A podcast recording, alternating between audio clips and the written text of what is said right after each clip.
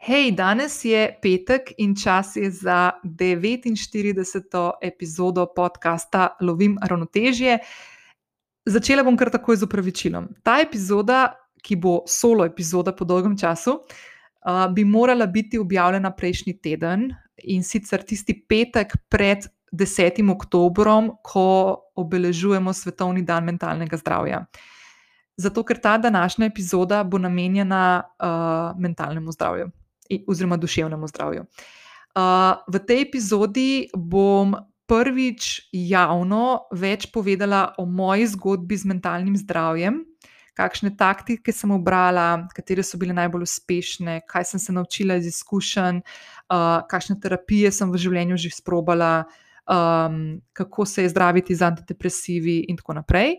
Uh, potem bom nadaljevala še o eni aktualni temi, ki je dejansko razlog, zakaj ta epizoda ni bila objavljena prejšnji teden, in to je sezonska depresija, ki me daje zadnje tri tedne, po mojem.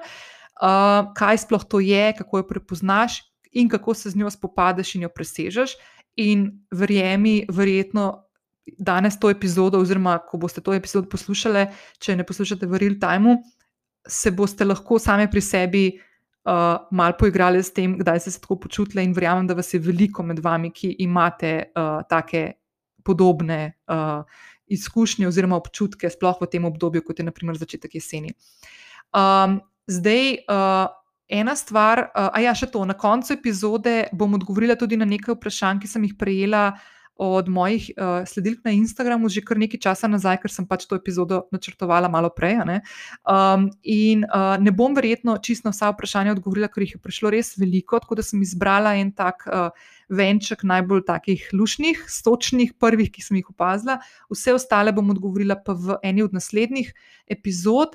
Ker sem se odločila, da se bomo tudi o tej temi malo več pogovarjali, tudi z, z gosti, ki so strokovnjaki na tem področju. Tako da uh, tukaj se bom takoj navezala na to, da te stvari, ki jih danes govorim, predvsem ta prvi del epizode, v katerem bom govorila o svoji poti duševnega zdravja, prosim, res me v mislih, da je to moja osebna zgodba. Da nisem zdravnica, nobeno stvar, ki jo bom povedala, je ne govorim zato, ker bi ti absolutno priporočala, da se tudi ti podaš na isto pot ali po isti poti. Um, In predvsem uh, to velja ne samo za to epizodo, za to temo ali pa za take teme, ki, se, ki so povezane z našim zdravjem, ampak to velja za vsako stvar. Tako da disclaimer za vse stvari, ki jih kadarkoli, kjerkoli od mene slišite, vidite, berete, poslušate, vedno imejte v mislih, da to so veliko krat stvari, ki so moje osebne zgodbe. Določene stvari so nam skupne, to smo zdaj že neštetokrat ugotovili tudi skozi dopisovanja, ki jih potem imamo ena na ena po kakšni epizodi ali pa po kakšni objavi na družabnih omrežjih ali pa na mojem blogu. Uh, ampak jaz bi si res želela, da vedno, vedno ste kritični do tega, ka, ko preberete kakšno stvar. Ne samo mojo, ampak generalno gledano, kjerkoli stvar, ki jo vidite na internetu ali pa kjerkoli. Vedno je treba se postaviti in iz, svoje, iz svojih čevljev gledati na vsebine in pogledati, katera je tista stvar, ki bi bila primerna za me v tistem nekem trenutku, jo okusiti, probati, če deluje super, če ne deluje. Tako pustiti in, gre, in, in iti naprej. Če nekaj deluje za mene, ne pomeni, da bo delovalo tudi za nekoga drugega. Tako da, evo, to je en disclaimer. Ta drugi disclaimer je ta, da uh, sem spila kozarec vina, priznam. Uh, pa ne zato, ker mi je težko o tej temi govoriti, uh, ni mi. Uh, vse tiste, ki me poznate in se srečujemo tudi v realnem življenju, ste mi blizu, ste moje prijateljice, veste, da mi ni panike o tem govoriti, da duševno zdravje ne jemljem kot tabu ali kot neko stigmo že nekaj časa. Uh, ampak je pa prvič, ko dejansko to govorim na glas, uh, širši publiki.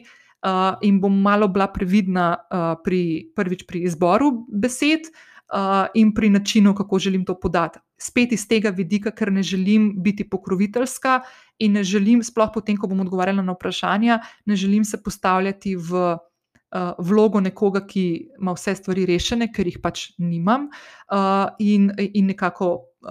Govoriti, kaj treba narediti. No? Tako da to je ena stvar. Kozarec vina imam še ta drugi natočen in je zdaj le zraven ob meni v, na mizi v moji domači pisarni. Tako da priznam. Ok, preden zdaj skočim v današnjo epizodo.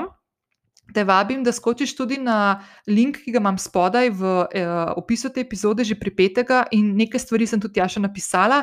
Ogromno enih linkov bom dala v današnje eh, zapis epizode, zato ker bom veliko stvari omenila, ki so bile ali že posnete eh, in so na eni od prejšnjih epizod podcasta, ali sem že napisala kakšen blog na to temo. Eh, dodala bom tudi nekaj eksternih linkov do raznih raziskav, če kakšno zanima. Uh, tako da, evo, to.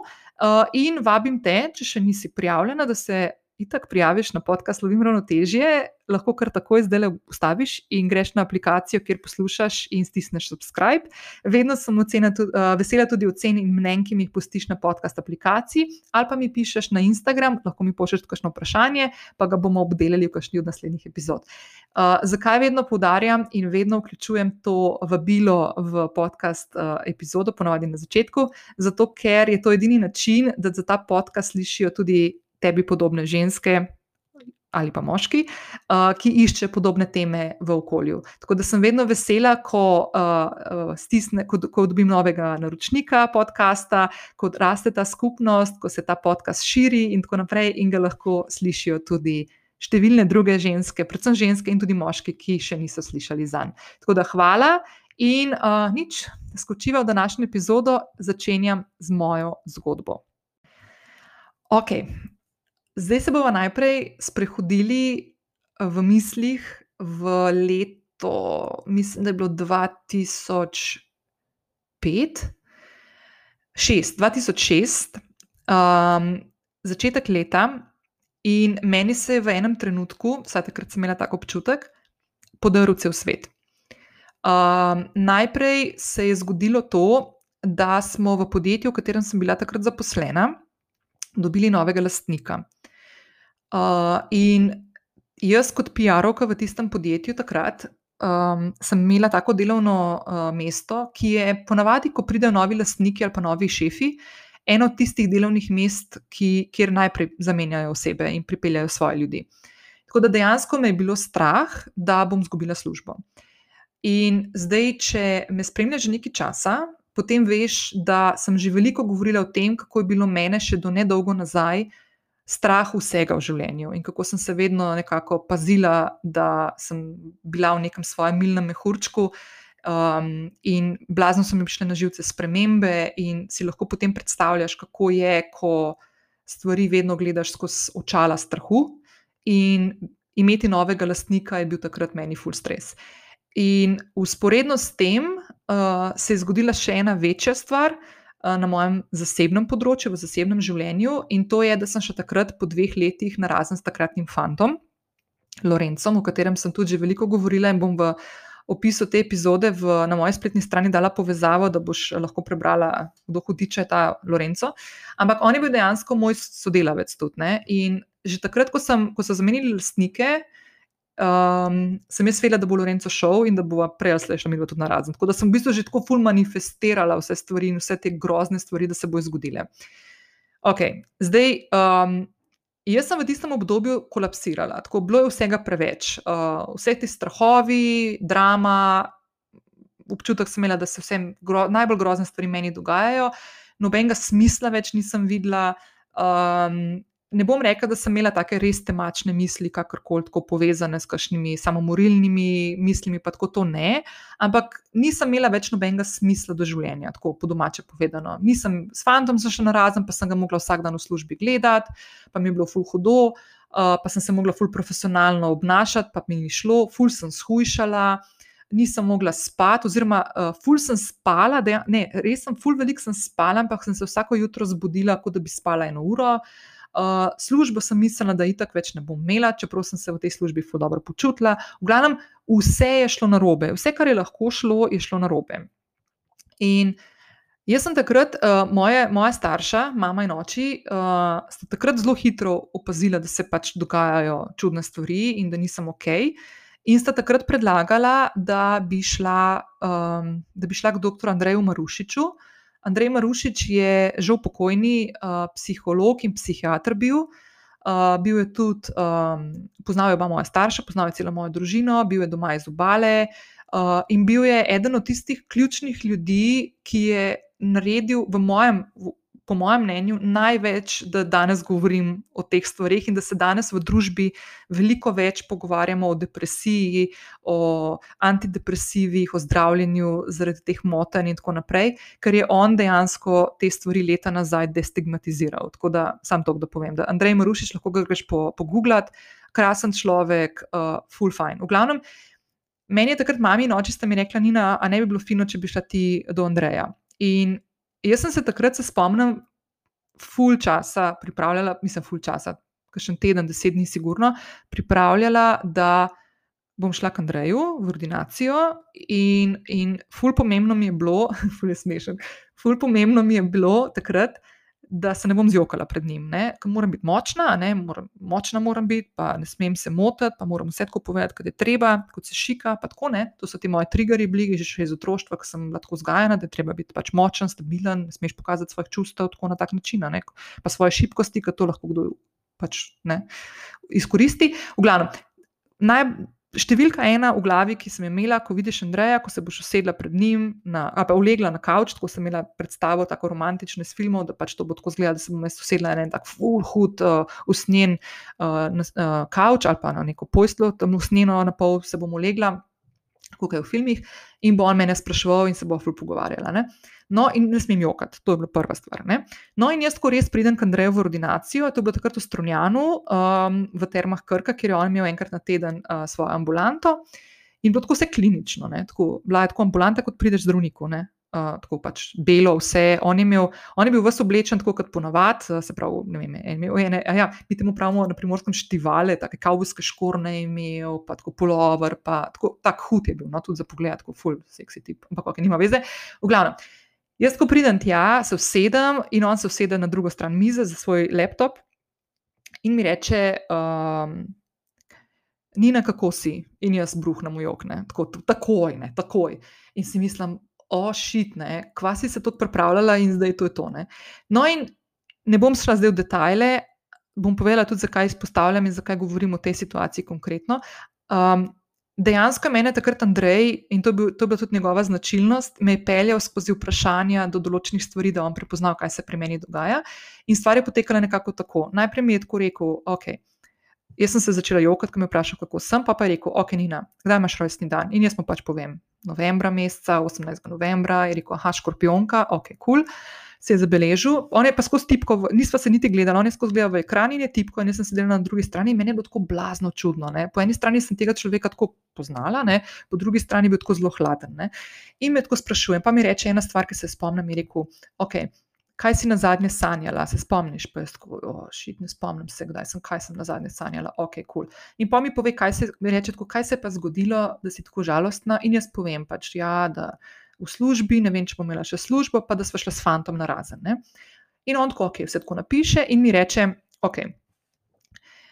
Dve, dva na sveta ti bom dal, in rekel, ok, imaš težjo, on je takrat rekel, tako, imaš težjo obliko depresije, tako da to bova zdaj porihtala. Uh, in druga stvar je, da ti bom dva na sveta. Prvi na svet je, da je tega Lorenca v tem trenutku si predstavljaj v glavi, da vsa čustva, ki so v tem trenutku z njim povezana, prestavi v zmrzovalnik.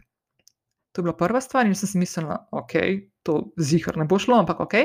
In druga stvar je rekel, moraš se začeti ukvarjati s športom. In je rekel, glede na to, da si ti škropionka, nisi oseba, ki bi bila um, tako kot jaz, ki rad tečem na dolge proge, ne, ti, um, ti rabiš nekaj bolj eksplozivnega. Tako da jaz bi tebi svetoval, da se začneš ukvarjati s kakšnim boksom ali pa sabljanjem. In jaz mislim, da sem začela ful smeti, kot kakšno sabljanje. Tako mi se meni bo to čisto bizarno takrat. Ampak z tega res tako ful, ful spomnim.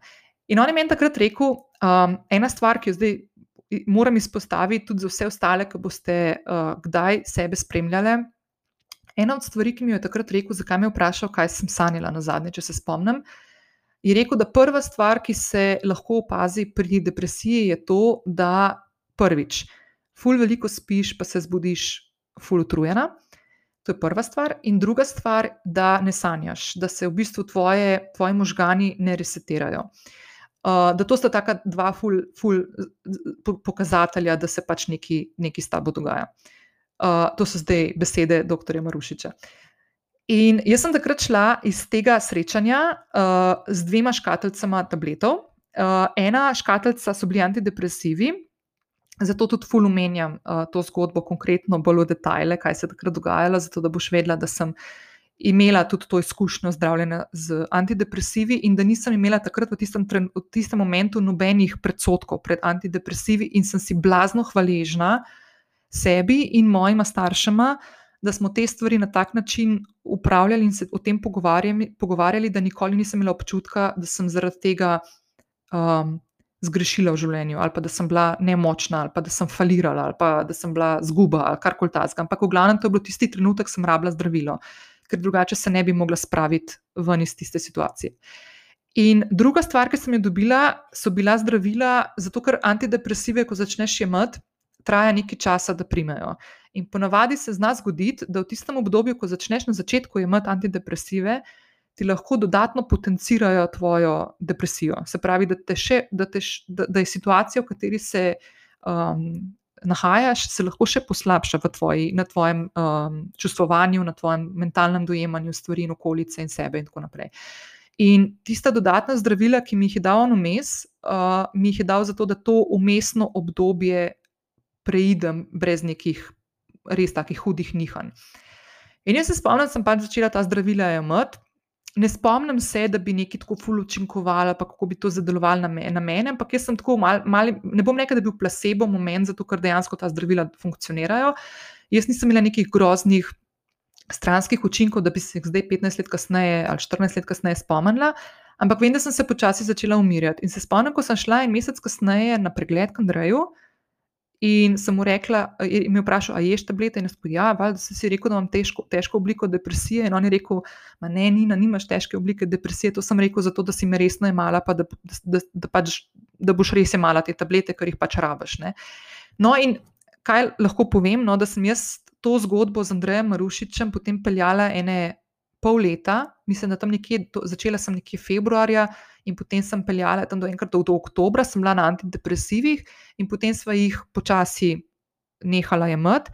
In Andrej je meni takrat rekel, in takrat sem ga jaz zadnjič videla, ker je nažalost zelo zgodaj umrl, ker je imel eno hudo obliko raka. Um, in je mi je takrat rekel, Nina, fulje dobro, kako si šla to skozi in vedi, da boš imela veliko manjšo možnost, da se ti bo ta stvar kdaj še ponovila v življenju. Zdaj, jaz lahko povem, pa bom tudi povedala malo krajše, da se mi je to zgodilo pa še dvakrat v življenju. Ne? Da sem bila še dvakrat na zdravljenju z antidepresivi, zaradi drugačnih razlogov, bom tudi povedala, kakšnih. Ampak Andrej dejansko je takrat imel prav. Jaz sem imela bistveno manjšo možnost, da bi se mi to še kdaj zgodilo, če bi naredila eno stvar, ki mi jo je svetoval, pa jo nisem. In to je, da se začnem ukvarjati z neko telesno aktivnostjo. Jaz sem to naredila potem šele leta kasneje, deset let kasneje. Ok. Drugič, ko sem se srečala z antidepresivi, je bilo v času, ko sem se vrnila iz Londona in sem dobre pol leta delala na oglaševalski agenciji Pristop. In takrat sem se v enem, v enem momentu sesedla sama na sebe. Um, zdaj, ko pogledam nazaj, uh, lahko z neko tako distanco, časovno, čustveno, fizično, lahko rečem, da se je takrat meni zgodil um, občutek, da delam v okolju in da upravljam delo, ki nima smisla v tistem trenutku. Um, to, to so trenutki, ki so blazno pomembni in lahko vodijo človeka v zelo težke situacije. Ena od teh situacij je izgorelost. Izgorelost ni posledica tega, da smo preveč obremenjeni in da preveč delamo, ampak je največkrat posledica izgorelosti to, da upravljamo delo, nima, za katerega imamo občutek, da nima smisla, da nas ne izpopolnjuje, da nimamo občutka, da nekaj doprinesemo. In Potem so še druge stvari, lahko je tudi okolje, ki je neprijazno, kjer so slabi odnosi, kjer je še mobbing v delovnem okolju in tako naprej. Skratka, meni se je takrat na pristopu to zgodilo, po kakšnega pol leta, in takrat je bilo par faktorjev, ki, se, ki, se, ki so se zgodili in tako nekako nanizali na eno tako verižico, ki je potem počela. Uh, ena stvar je bila ta, kot sem omenila, da sem imela občutek, da uh, moje delo nima smisla. Druga stvar je bila, da sem doživljala te stvari uh, zelo kmalo, se pravi, pol leta potem, ko sem začela delati v tem okolju. Uh, in v tistem času sem imela jaz v treh letih zelo redne menjave službe ali pa okolja. Um, najprej sem šla v eno službo, kjer sem bila pol leta, potem sem šla za pol leta v London, kjer sem naredila cel še bank in zamenjala okolje, se preselila v tujino, tam doživela mobbing, se vrnila nazaj, vsa razočarana, prišla na pristop, bila vsa srečna, da sem doma in da ima končno delam v eni agenciji, ki mi je bilo kul cool in sem se želela ful veliko naučiti. In po pol leta sem ugotovila, da to ni prostor za me in nisem vedela, kako ven iz tega. In jaz sem takrat prvič v življenju tudi na bolniški in sicer odrejeni bolniški dva tedna. In takrat je nažalost bil uh, Andrej Marušič že pokojni, in sem se odločila po priporočilu ene uh, družinske prijateljice, tudi psiho, psihiatrinje iz obale, da grem uh, na Ljubljansko polikliniko, kjer je oddelek za klinično uh, psihiatrijo in psihologijo. In lahko povem, da sem tam srečala in spoznala eno fuldobro terapeutko Ireno, ki nažalost ni dela več v Sloveniji, ker se je preselila v tujino, ampak lahko tako, če slučajno kakšna od vas se kdaj znajde v podobni situaciji in išče pomoč in ima občutek, da se ne more privoščiti psihi, psihiatra ali pa kakorkoli, da obstajajo tudi znotraj sistema čudoviti ljudje, ki lahko pomagajo. In jaz sem šla takrat, to je bilo leta 2009, Se pravi, tri leta po prvi izkušnji z antidepresivi sem šla spet na zdravljenje z antidepresivi. Tukaj pri uh, tej terapeutki je bila zadeva mečkam drugačna kot pri Andreju. Veliko smo se tudi pogovarjali, sprašvala me je, zakaj se mi določene stvari dogajajo, zakaj mislim, da se mi dogajajo, in tako naprej. Tako da je bilo malo več tega pogovarjanja tudi. In uh, Jaz sem bila spet takrat na antidepresivih, po mojem, kakšne dobro leto, po mojem, ja, dobro leto, zato ker to se je potem tako zgodilo, da sem jaz pol leta potem, ko se mi je to zgodilo, dala odpoved na pristopu, pa ste zdaj šla na Pop TV oziroma na ProPlus, kjer sem delala sedem tednov in dobila odpoved, ne? in potem šla na svojo samostojno podjetniško pot. Tako, tako se v tem, v tem žmohtnem. Uh, razočaranem vrtiljaku, podprtem z uh, pomočjo zdravil, sem se jaz znašla potem še brez službe in šla na svojo samostojno podjetniško pot. Tako, za, za en tak, uh, fulje smešen, ampak za en tak um, za, zaključitev enega kroga. Ok, zdaj, to pa ni bilo zadnjič, da sem se srečala z antidepresivi. Uh, a ja, še to lahko povem, da, da tudi Tri leta kasneje, se pravi, ko sem se drugič srečala z zdravljenjem z antidepresivi, še nisem vključila uh, telesne aktivnosti, še vedno sem kar nekako pozabila na te stvari. Um, in uh, imela sem blazno močen občutek, tega se pa res ful spomnim. Blazno močen občutek poraza sem imela, zato ker sem res vzela zelo za res tisto, kar mi je Andrej rekel, zadnjič, ko sem ga videla, da uh, imam zelo veliko verjetnost, da se ne bo mi nikoli to več ponovilo. In potem se mi je ponovilo, in sem bila blazno razočarana sama nad sabo, in sem se še dodatno ful obsojala. Zdaj, na zadnje, upam, da zadnjič, ampak na zadnje, ko sem imela podobno izkušnjo z antidepresivi, je bilo pa pred petimi leti. Uh, zdaj ne bom šla v detajle, kaj se je dogajalo, ampak bom rekla tako, da se je zgodil en trigger v mojem zasebnem življenju, uh, ki je spodbudil en niz enih stvari, ki so se že v preteklosti zgodile in je dejansko mi počlo. In nisem več znala ven iz tega, in sem šla spet k tej Ireni. Uh, po parih letih, spravi, mislim, po petih letih, sem šla spet k njej na polikliniko, mi je spet pomagala. In s to razliko, da sem ta zadnjič, se pravi tretjič, ko sem se srečala z zdravljenjem z antidepresivi in obiskovanjem uh, psihiatrinje, odločila še za dve stvari. Uh, Prva stvar je bila, da sem začela hoditi na jogo dvakrat na teden, po torkih in četrtkih, eh, k Evi, ki je, ki je moja učiteljica, ki se je takrat ravno tako je se upadalo, preselila nazaj iz Indije in sem šla k njej na jogo. In takrat sem se odločila tudi, da bom šla čez par mesecev, ko, ko je začela z učiteljskim tečajem delati učiteljski tečaj za učiteljico joge. In šla sem k eni eh, zelo simpatični terapeutki, ki je delala po modelu Zorana eh, Milivojeviča, transakcijsko analizo. Tja sem hodila enkrat na teden in smo se ful pogovarjali in pač gledala te vzorce, zakaj določene stvari pri meni tako funkcionirajo, zakaj določene stvari v življenju tako vzamem, uh, kako vidim odnose, zasebne, poslovne in tako naprej. Tako da to se je še zgodilo takrat. se pravi, dve ful pomembni stvari, ki bom skozi zdaj naprej v tej epizodi ful um, dajala naprej, in to je. Fule je pomembna telesna aktivnost, fule je pomembno, da se gibamo, fule je pomembno, da spodbujamo uh, srečne in uh, polne ljubezni hormone, ki se sproščajo ob tem, ko vadimo. In druga stvar je, da sem začela vlagati v sebe. Um, zdaj, ta zadnja stvar, ki sem jo pa jaz naredila, na področju uh, terapije, pa ni bila povezana z nekim konkretnim zdravljenjem nekih um, občutkov, uh, depresivnih občutkov, ki sem jih poznala prej, ampak je bila posledica določenih stvari, ki so se zgodile moj, v moji družini pred dvema letoma in pol. In so blazno, blazno vplivali na mene in na vse ostale ljudi. Bom enkrat o tem kasneje spregovorila, ker ni to moja zgodba, pa ni fair, da jaz govorim. Um, ampak v glavnem, takrat sem se odločila, da je skrajni čas, da se jaz mal sama s sabo začnem pogovarjati, zato ker mi ni bilo všeč, da. Uh, Kako sem se z določenimi ljudmi, ki so v mojem življenju, konkretno moja sestra, moja družina, kako sem se do njih obnašala. Pa ni bilo nič tako narobe, jaz sem jih imela full rada, pa tako, ampak dobila sem občutek, da sem konstantno čist preveč upeta v njihova življenja in da sem v bistvu zelo pokroviteljska, in da s tem izkazujem, s tem, ko pač povem, kaj morajo narediti in kako sem si jaz zamislila, da morajo reagirati v določeni situaciji uh, v svojem življenju, ne, ne v mojem, v svojem njihovem, uh, kako v bistvu dajem konstantno svoji okolici vedeti, da jim ne zaupam.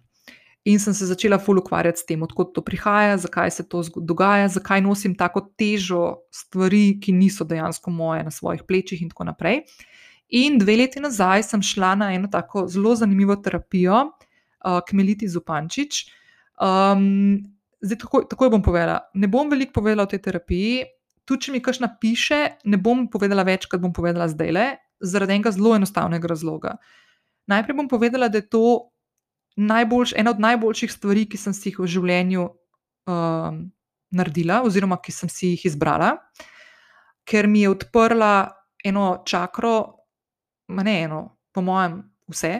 Um, predvsem eno čakro, ki je začela upravljati z mojimi strahovi, ki so bili ključni vir vseh težav, ki sem jih imela v življenju in, in še danes, ki, s katerimi danes delam. Um, začela sem si upati. Uh, ful sem izboljšala odnose uh, s ključnimi ljudmi v mojem življenju, uh, konkretno z mojim očetom, z mojo sestro, uh, z mojo mamo in z vsemi ostalimi pač ljudmi, ki so mi blizu, ki jih imam rada in s katerimi hočem imeti dobre odnose. Uh, in začela sem sebi zaupati. In zdaj, če te zanima ta terapija, ta terapija je, se izvaja pri Militi Zupančič. Bom tudi polinkala jo v opis te epizode, ki, jo, ki ga najdeš na moji spletni strani, pa spode v linku. Je pa tako, da ta terapija je razdeljena na dva dela. In sicer najprej prvi del je, so trije obiski, uh, ki so dolgi tam uro, pa pol, dve uri, uh, primeliti doma, uh, oziroma v njeni pisarni. Um, in uh, so tako nekako na enkrat na mesec, se pravi tri mesece. In potem se lahko odločiš, da greš še dodatno na eno terapijo, uh, ki jo ona pravi aktivacija, kjer v dveh dneh zaporednih narediš dve terapiji, uh, ki sta dolgi tudi pol ura, pa pol dve uri. Jaz lahko povem, da pa sem full skeptičen človek, pa še nedolgo nazaj sem dajala vse take bolj spiritualne stvari, pa ta terapija sploh ni tako spiritualna, če si iskreno. Ampak full stvari sem dajala v isti koš. Meditacijo, horoskope, uh, astrologijo, hvaležnost, prakso, vse, vse to je bilo meni tako full čudno. In vse sem bila zelo skeptična in zelo tako, vse mi šlo na živce in nič nisem verjela. V glavnem, jaz ne morem verjeti, da sem bila sposobna v tistem trenutku iti kmeliti tako odprtega srca, predvsem srca in glave, in sprejeti ta, to, da, da sem zaplavala po tej reki, ki jo je ona vodila. Uh, meni je bila to uh, ena od najlepših izkušenj v življenju, ker se mi zdi, da sem v tistem trenutku našla sebe. V tistem trenutku sem točno vedela, kdo sem, kaj želim, česa si ne želim, kako moram meje postaviti, kako reči ne, um, kako poiskati svoj zakaj, ki sem ga pol iskala, pa končno lani septembra spisala in zdaj potem delam, uh, kako biti uh, prijazna do sebe, uh, kako se pogovarjati z ljudmi, ki so mi ful pomembni, kako se odzivati na neke triggerje iz okolja in jih spremenjati, brez da bi eno besedo spregovorila, kako delati na energetski ravni. V glavnem, kako odganjati energijo, ki, ki kroži med nami in, um, in nas lahko ful bremeni, če se tega zavedamo. Konkretno, primer. Uh, Danes o teh stvareh, ki jih govorim, ki so zelo osebne, pa vem, da jih bo par tisoč ljudi poslušali. Um, meni panike o teh stvareh govoriti, ker sem se na to ful pripravila. In uh, če ne bi bila tako dobro pripravljena, in ključ za to pripravo sem naredila pri Meliti, če ne bi tega bila sposobna narediti, danes ne bi govorila o tem javno. Bi govorila s svojimi prijateljicami, svojo družino, s svojimi znankami, s tistimi ljudmi ena na ena, ni problem, ampak ne bi govorila to v podkastu. Um, Zdaj, jaz bom poskušala Melito povabiti v podcast v eni od prihajajočih epizod, ker se mi zdi, da bi bilo full fajn, da jo spoznate. Ampak spet, kot sem povedala na začetku, to je moja zgodba, to so moje izkušnje. Mm, absolutno to ni stvar, ki rečem, to morate vsi nujno laufati takoj. Uh, ampak je to ena taka zadeva, ki se je meni izkazala za tako zelo fajn. Zdaj, Jaz lahko iz vsega tega, kar sem zdaj povedala, to je tako nekako na grobo opis mojega, moje poti do, do tega, kjer sem danes. Uh, mimo grede, še vedno imam en kup enih težav, še vedno en kup enih stvari uh, je za obdelovati, za predelati. Eno predelaš, se odprejo tri nove. Ljudje smo ene take work in progress, ne? nikoli ni nekega cilja, ved, ved, vedno, se, vedno, nikoli ne priješ do konca. Ko priješ do konca, verjetno je takrat, ko pač zadnji izdih narediš. Ne? Ampak in se je treba sprijazniti s tem, ne? čas ni tako linearen. Um, jaz se še vedno ful ukvarjam sama s sabo. Um, verjetno je tudi razlog, da veliko časa preživim sama s sabo, zato ker veliko energije usmerjam v to, da krepim sebe in da. Um, uh, predelujem tiste stvari, ki jih imam še za predelati in ki se pojavljajo v tem obdobju. Uh, in zato je danes ena od ključnih stvari, uh, ki meni ful pomagajo, uh, da nekako pazim na to svojo uh, duševno uh, razpoloženje. Uh, je tudi čas, kako ga namenjam, kako ga preživljam, uh, kje ga preživljam, s kom ga preživljam. Uh, ful morajo te stvari se poklapati in mi ustrezati. Uh, Zato tudi enostavno je, kašne stvari rečem ne, ali pa kašni osebi rečem ne prijazno. Um, ful sem se obdala z ljudmi, ki so en tak res krasen podporni sistem, ker se mi zdi to ful ključno, da ima vsak uh, v življenju, zdaj to lahko so družinski člani, lahko so prijatelji, prijateljice, lahko je partner, partnerka um, ali pa terapeut, tudi lahko. In zdaj. Uh, ene par takih stvari, ki so se meni izkazale za blazno učinkovite pri tem, da uh, poskušam um, biti v vsakem trenutku na čim bolj optimalni ravni duševnega zdravja. Pa to zdaj pomeni, da je lahko en dan ful dobr, pa naslednji dan slabš. Ampak za tisti dan, v tistem trenutku, najboljše, kot lahko, uh, so naslednje stvari. Ena stvar je, zadeva, o kateri sem že res velikokrat govorila, in to je jutranja rutina. Zdaj, če skočiš na osmo epizodo, mimo grede najbolj poslušano epizodo do zdaj, uh, sem razložila celo mojo jutranjo rutino, zdaj se je mečkam spremenila in čisto svežo, svežo mojo jutranjo rutino dobiš, če se prijaviš na moje inovičke, takoj po prijavi če se še nisi prijavila. Če si se že prijavila, potem si jo že dobila, oziroma si jo dobila še mesec nazaj, ko sem še enkrat vse knjižice poslala, ker so vmes neke povezave dol padle. Um, zdaj, še enkrat, spet se vračam na tisto. Moja jutranja rutina, če jo delam celo, je lahko dolga 2-3 ure. Um, point ni v tem, da je dolga 3 ure, lahko je dolga 5 minut. Ampak ne bo tvoja, ne bo to stvari, ki so povezane z tistimi rečmi, ki tebe usrečujejo. Uh, vedno je fino pri jutranji rutini izhajati iz tega, da vključiš štiri temelje v, v svojo rutino. Eno je dihanje, to lahko vključiš tudi v meditacijo, oziroma medita je dihanje del meditacije. Uh, potem je neko gibanje, zdaj to je lahko yoga, lahko je to uh, tek zjutraj, če tečeš, lahko je par sklec, lahko je vem, ena minuta v plenku, karkoli tazga, tudi to, da malo narediš prekrvavitev, uh, da, da se malo um, mal kri požene po žilah. Tretja stvar je neka kreativnost. Zdaj lahko je to, da kaj narišeš, lahko je, da napišeš kaj v dnevnik, lahko je ne vem, neki, ali pa ne vem, imaš gobelin, pa delaš, ali pa pletaš kakšno stvar, ali pa whatever. Uh, in ta tri, četrta stvar je neko razmišljanje, in zdaj tukaj je vedno fulfino, da prebereš kakšno stran v knjigi, kakšno tako malenkost. No? Tako da ta, ta, te štirje sklopi so lahko fulušni. Naslednja stvar, ki je blazno pomembna in ful vpliva na naše duševno zdravje, ki sem že omenila, je, da imaš sistem podpore okrog sebe zgrajen. Uh, to so ljudje, ki, uh, s katerimi se lahko pogovarjaš o svojih čustvih, o svoji ranljivosti, o težavah, ki jih imaš, o izzivih, ki jih imaš, in veš, da te ne bodo obsojali, ampak ti bodo stali ob strani, te bodo poslušali, ne da ti bodo skakali v besedo in ti pametovali, ne, da te bodo poslušali in te bodo ali kaj pametnega povedali nazaj, ali pa bili tiho, pa te sam poslušali. Um, tako da, ali pa kad ti povejo kaj pametnega nazaj, zato ker te dobro poznajo, ne? pa točno vejo, kaj, kaj je fino povedati ti nazaj v nekem trenutku. Tako da vedno, vedno je fino imeti sistem podpore. Tretja stvar, ki sem že takoj na začetku povedala, ki je meni dr. Andrej Marušič povedal, da ne grem sablat, nisem šla nikoli sablat, tudi boksat nisem šla, uh, je redna vadba. Jaz sem to redno vadbo nekako vključila, pa je še vedno premalo, ampak z jogo, ki sem jo začela delati in izvajati.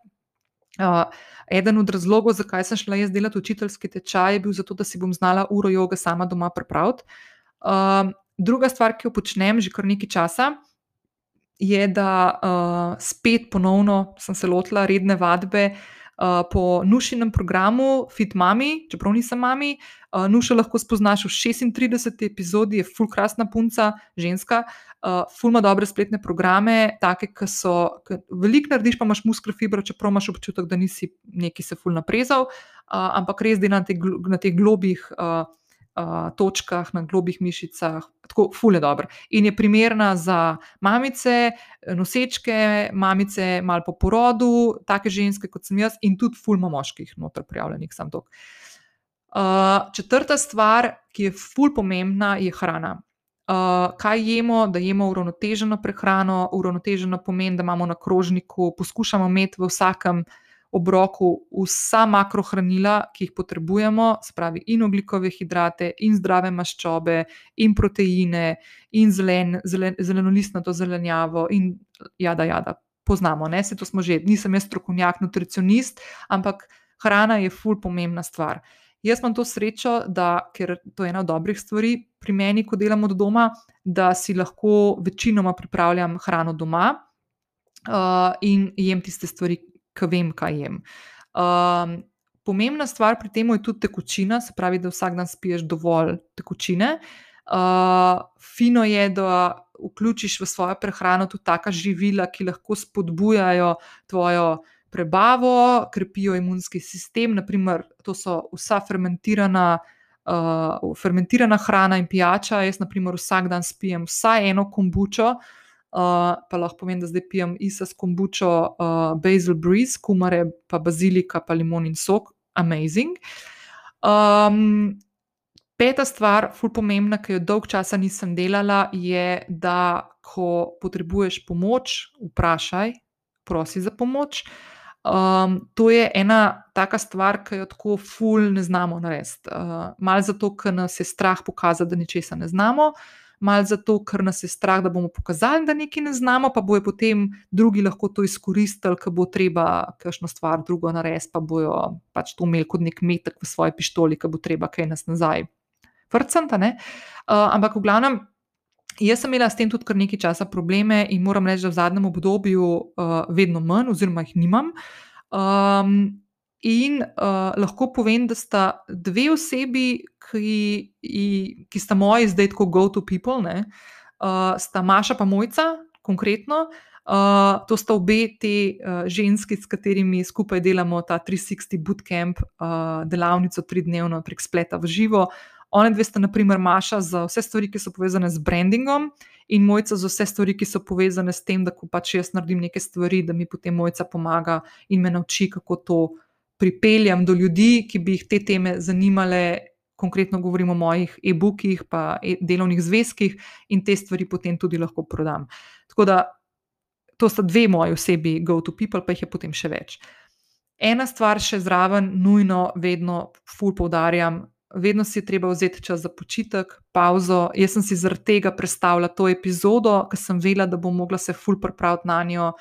Psihično, tudi da bom te stvari povedala, da bom mogla si strukturirati epizodo, ker že dolgo časa nisem solo epizode imela, sem si predstavljala na ta teden kasneje, ker enostavno nisem imela energije prejšnji teden, da se lotim in da ugriznem v, v to temo. Um, ful pomembna stvar, ki tudi že, sem jo že parkrat omenila, je, da si dovolimo tudi vzeti čas za dolg čas. Um, mislim, da je o tem ful dobro govoril uh, Miha Macini v eni od zadnjih epizod uh, podcasta Aideja s Klemnom. Uh, ful sem vesela, da je to temo odprl in ko mi čakam, da se naslednjič z njim dobim, ker vidim, da bo spet ful se zaklepetala in po mojem bom dala pro temo. Um, dolg čas. Ja, by the way, sem pa tja se z Mihatom, uh, ki je tako vidva, pa jaz ga tako čisto občudujem in njegove kolumne na Sijolu in tako. In mi je ful dobro z njim klepetati, in ko mi čakam naslednjič, ki ga bom videla, Miha, če to poslušaš, naslednjič govoriva o dolg času, uh, ki je ful pomemben. Uh, to potem uh, zelo, zelo pazim na ritem dela. To je tisto, kar sem že prej omenila, da sem zelo pozorna na to, kako uh, na svoj čas, uh, kako usmerjam stvari, katero delo delam, s kom delam, uh, s kom ne delam uh, in s kom preživljam svoj čas. Proste trenutke ali pa poslovne, vse. Um, zdaj, ena od stvari, kako lahko optimiziraš svoj čas, je. Produktivnost, to so razno razne različne vaje in ideje.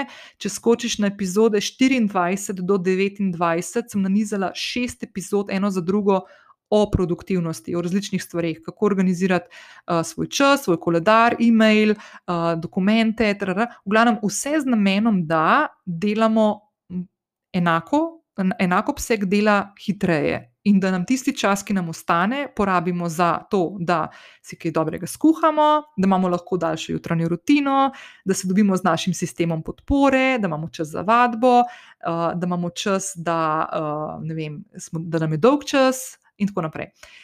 In tretja stvar, ne tretja, zadnja, tretja, zadnja stvar, um, ki se mi zdi blazno pomembna, je, da delam nenehno vaje za samo refleksijo, da skozi delam malo analizo svojega počutja, uh, svojega čustvovanja, svojega fizičnega zdravja, psihičnega zdravja, glavno vsega, se, kako se odzivam v določenih situacijah, zakaj me kakšna stvar stira vrže kaj se je zgodilo takrat, ko me je to stira vrgel, uh, na kaj je to zaigral in tako naprej. Um, najlažje to lahko počneš, če vzameš v roke dnevnik in pišeš svoje misli. Um, jaz sem v dnevniku že veliko govorila. Um, napisala sem pred časom tudi en tak vodič, kako se lotiš pisanja dnevnika. Bom tudi ga polinkala v uh, show notesih, ki jih najdeš na moji spletni strani, tako da ne bom se ponavljala. Ampak to je ena taka full fine stvar, ki lahko še eno zadevo povem. Pri dnevniku eno stvar nujno za izpostaviti, ravno danes, ko imamo to temo o mentalnem oziroma duševnem zdravju. Tvoj dnevnik, če vam pišeš stvari, ki se tebi dogajajo um, v glavi, v srcu, je dnevnik lahko tvoj najboljši terapeut. Dva razloga sta za to. Prvič zato, ker stvari, ki te težijo, daš na list papirja. In je dejansko, kot bi dala stvari ven iz sebe, kot da jih odložiš nekam drugam. Andrej Marušič je meni rekel, da naj dam Lorenca v zmrzovalnik. Ne? Pa to ne pomeni, da ga daš tja, pa pol pozabiš, da obstaja, pa se ne soočiš s temi težavami. Ne? Tako kot sem to jaz naredila, pa pol še deset let imela problem s tem. Um, ampak da daš stvari ven, se naslednji dan usedeš, spet napišeš, kako, kako, kako se počutiš, naslednji dan spet, vsak dan eno vrstico, eno stran, deset strani, kar je. In potem pogledaš nazaj. Prvo kot prvo, kaj sem ugotovila jaz v trenutkih, ko me je res zarotiralo in sem bila res tako ali jezna, razpištoljena, uh, žalostna, na robu, ne vem, depresije spet. Jaz, ko sem v dnevnik napisala tisto, kar mi je takrat ležalo v glavi ali pa v srcu, jaz povem, da sem se fulumirila. Tako, takoj, ko sem zaprla dnevnik, sem bila fulumirjena in sem šla lahko spat, brez problema in sem zaspala takoj. To je ena stvar. In druga stvar je, da ko pogledaš nazaj stvari, kaj si pisal pred včeraj, pred enim tednom, enim mesecem, enim letom, petimi leti, vidiš, kakšno pot si prehodil. In to je ful, ful, zlata vredna praksa, ki se jo čist premalo zavedamo, pa tako enostavna je, tako res je enostavna. Uh, Tleh je lahko ful več tehnik. Um, ena je, ne vem, uh, jaz sem probala vse živo, probala sem morning pages, probala sem uh, bullet journal, sem se malo lotila, ampak nisem ugriznila van. Meni enostavno ful pa še, da imam zvezek in da notri pišem. Rajš ne povem, da sem na zadnje nekaj napisala, ker bo to zdaj ful grdo, ker jaz tukaj pametujem, ampak bom iskrena, da zadnjo stvar, ki sem jo napisala, mislim, da je bila avgusta in je skrajni čas, da se vrnem nazaj tudi v to rutino. To je tisto, kar sem rekla, da moja jutranja rutina lahko dolga tri ure, redko je dolga, ker na to, zato ker naredim vse stvari, zadnje čase je dolga tri minute. Ampak se počasi spet jaz tudi malo vračam nazaj. Zakaj imam tak razpad sistema, bom pa povedala zdaj le. Ne, v bistvu bom povedala malo kasneje, zato ker sem zdaj le tukaj, ker vidim, da imam zapiske za to epizodo uh, narejene, uh, tako res sem čisto raštelana, nisem več navajena delati solo epizod. Um, ok, um, naredila sem še, kako se lahko tudi ti lotiš teh vaj za samo refleksijo. Uh, pa zakaj je to dobro? Ne? Zdaj, umenila sem že pisanje dnevnika. Uh, samo refleksija je ful dobra tudi. Um, za ugotavljanje, kaj je tvoj zakaj, oziroma ugotavljanje, ah, slediš svojemu zakaju. Zdaj, če te ta tema več bolj zanima, bom polinkala tudi delovni zvezek, kako najdeš svoj zakaj, ki sem ga pripravila in je v moji spletni trgovini. In je to ena od stvari, ki, ne vem, po mojem, je to ena od najbolj, najbolj noro lepih spoznanj, ki sem si jih dovolila v življenju spoznati. Um, pa ga vsak od nas nosi v sebi, sam moramo ga znati ven, pripeljati do, do glave, uh, iz srca v glavo. Um, če te zanima, da bi se lotila tega, imam ful dobro delovni zvezek z vajami, ki te bo pripeljal do tega, da boš ugotovila, če si v življenju želiš in če se nočeš. Uh, Pol je še tle, ful dobra stvar, dolg čas, ko sem ga prej omenila, da se bom z Mihatom naslednjič Macinijem, ki se, se vidim, z njim pogovarjala o tem. Uh, Uh, zakaj je dolg čas pol pomemben? Uh, mi odraščamo v svetu in predvsem tudi v naši kulturi uh, z občutkom, da če, če, če rečeš, da ti je dolg čas, ne, da je to nekaj slabega. Ne. Uh, ko je človeku dolg čas, pa to velja za otroke in za odrasle. To pri otrocih lahko fulje pospremljamo. Naprimer, jaz to prvo nečako vidim. Ne. Da, ki mu rata dolg čas, najprej malo zasitnar, ker hoče imeti nek šum iz okolja, nek trigger, da bo pozornost usmeril tja, pa kam mu pa pustiš, pa se ne predaš, pa, pa mu ne daš neke stvari, ali ne vem, baby šarka spet gor, pa najde nekaj, da se zamoti. Ne? In takrat ponavadi tudi odrasli ljudje, uh, ko smo s svojimi mislimi, lahko postanemo fulk kreativni, lahko odkrivamo, če se želimo, če se ne želimo, kaj bi radi delali. Uh, če ste podjetnice, ena od stvari, ki jih ful velikrat omenite uh, meni, ko se lotevate ali pa razmišljate, da bi šli na neko podjetniško pot, jo ni na toliko imam idej, pa ne vem, kje bi izbrala. Naprimer, kot je dolg čas, trenutek, ko si vzameš čas, da si sama s svojimi mislimi, pa nimaš v roki telefona, pa ne skrolaš po Instagram storijih, pa po TikToku, pa teh stranih, ne, pardon, izrazu ker tudi jaz to delam, gilti, uh, ali pa ne vzameš knjige, ali pa ne prežgeš televizije, ali pa ne rečeš, jo, pa bi lahko spravila kuhno. Ne, ko se usedeš in daš mir, takrat se zgodijo čudeži, takrat se zgodijo preboji. Tako da dolg čas je tvoj prijatelj. Uh, potem naučiš se, kako reči ne. To sem ful že govorila od ene od prejšnjih epizod, jo bom tudi polinkala. Mislim, da je deveti, mislim, da je to druga najbolj poslušana epizoda na podkastu do zdaj. Uh, tako da uh, ja, kako, kako rečeš ne, zakaj je ne najbolj pomembna beseda v tvojem, uh, v tvojem uh, besednjaku, oziroma v celem slovenskem jeziku, celem SSKJ-ju. Uh, ja, deveta, deveta epizoda, sem šla preveriti. Uh, tako da to se boš naučila, ful dobro, tudi s, s temi vajami za sa, samo refleksijo. Naučiš se lahko postavljati meje, meje, ki jih postaviš sebi. Se pravi, če rečeš, da boš delala sedem ur na dan, da delaš sedem ur na dan. Uh, in potem posledično, če postavljaš sebi dobre meje, boš postavljal tudi meje vsem ostalim ljudem, ki so v tvojem življenju. Potem je samo sprejemanje. Mm, samo sprejemanje se dogaja tudi s tem, ko se soočamo s stvarmi, ki nam grejo prenos na živce. Naprimer, pri meni so šli moji strahovi, meni blazno na živce, pa nisem vedela, odkje so, zakaj so tukaj, zakaj me skozi spremljajo, zakaj že kot otrok nikoli praktično nisem imela razbitih kolen, ker nikoli nisem kotalkala tok na silo, da bi padla, pa se razbila. Pa take stvari. Pač v glavnem, zakaj se to dogaja, in tukaj je še ena stvar, ki se nam vsem pelje po glavi in, in nosimo v sebi. En kup enih omejitvenih prepričanj, ki jih nosimo s sabo skozi življenje, že iz otroštva, naprimer, nisem dovolj dobra za to službo, uh, jaz ne bom nikoli zaslužila toliko, da bi imela dovolj za cel mesec, pa da bi mi še kaj ostalo, pa en kup drugih stvari. Ali pa mene ne bo nikoli noben rad.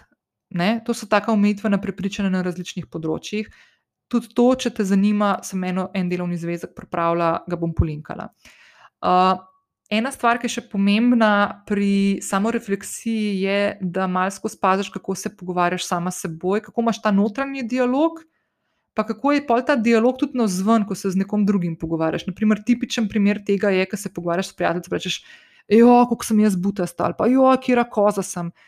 Vse te stvari ne, um, pa mimo grede, jaz to še vedno prevečkrat rečem tudi za sebe. Ampak vse te stvari pošiljajo v vesolje en kup ene energije, ki se ti potem vrne v teh negativnih oblikah. Tako da pazi, kako se pogovarjaš sama s sabo in kako o sebi govoriš na zven. Um, vedno je fulfino, ko nisi siguren, pa ko rabiš dodatno, dodatne informacije, da svoj ta podporni sistem, ki ga imaš okrog sebe, vprašaš za nek feedback. Naprimer, prej sem omenila da imaš tak podporni sistem, ki te podpira, ki te posluša, ki ti ne pametuje nazaj, kaj bi bilo treba narediti. Uh, da tak podporni sistem ti daje tudi uh, povratno informacijo. Ti lahko tudi kritično, oziroma konstruktivno reče, da to pa ful ne bo dobro, če narediš, zato ker ni skladno s tem, kar si mi povedala pred enim letom, pa zdi se mi, da boš tukaj ful na silo hodila noter v stvari, ki niso tvoje. Naprimer, primer. In še ena stvar, ki je fulušna, pa sem o njej govorila v epizodi, v 12. epizodi, pa v uh, pogovoru, ki sem ga imela z Nastjo na podkastu od Malince, je meditacija. Uh, zdaj, tukaj ne bom govorila, kaj meditacija je, pa kaj ni. Lahko samo povem, da je meditacija stvar, ki lahko tudi ti, kaj takoj, ko boš nehala poslušati to epizodo, ugasneš daš telefon stran in odmeditiraš tri minute, komod. Uh, Uh, tako da uh, skoči na epizodo 12 ali pa knasti na Malincin podcast, pa posluši, ker sem povedala točno, kako lahko to enostavno upelješ v svoje življenje. Pa en hint bom dala, ki ga vedno ponovim, uh, zato da boš lahko kaj poslušati, pa prebrati o tem, da meditacija ni, da ne misliš na nič. Uh, tako kot veliko ljudi govori, da pač enostavno samo odklopiš možgane, pa ne misliš na nič, to ni meditacija, to je ne mogoče, ker ljudje imamo možgane, zato da razmišljamo. In uh, ne se s tem ukvarjati. To pač ni mogoče, meditacija ni ne misliti na nič. Zdaj pa ostalega pa ne bom povedala, bo šla na epizodo 12 ali pa k nas ti uh, poslušati, kaj je meditacija. Ok, zdaj pa pridemo do tistega trenutka, ko povem, zakaj sem to epizodo predstavila za en teden. Uh, razlog je v, v tujini že zelo, zelo znanem terminu um, in diagnozi, pri nas pa Ma poznamo, ampak nismo se še veliko o tem pogovarjali. In to je, jaz sem tako malo prevedla, sezonska depresija. V angleščini to najdeš, če boš šla googlat, najdeš pod terminom Seasonal Affective Disorder oziroma SAD. SAD. Um, zdaj, sigurno si že to že doživela. Naprimer, pomladna utrujenost je tipična sezonska depresija. Okay? Uh, ponavadi, ko menjamo letne čase, to niso enostavne stvari.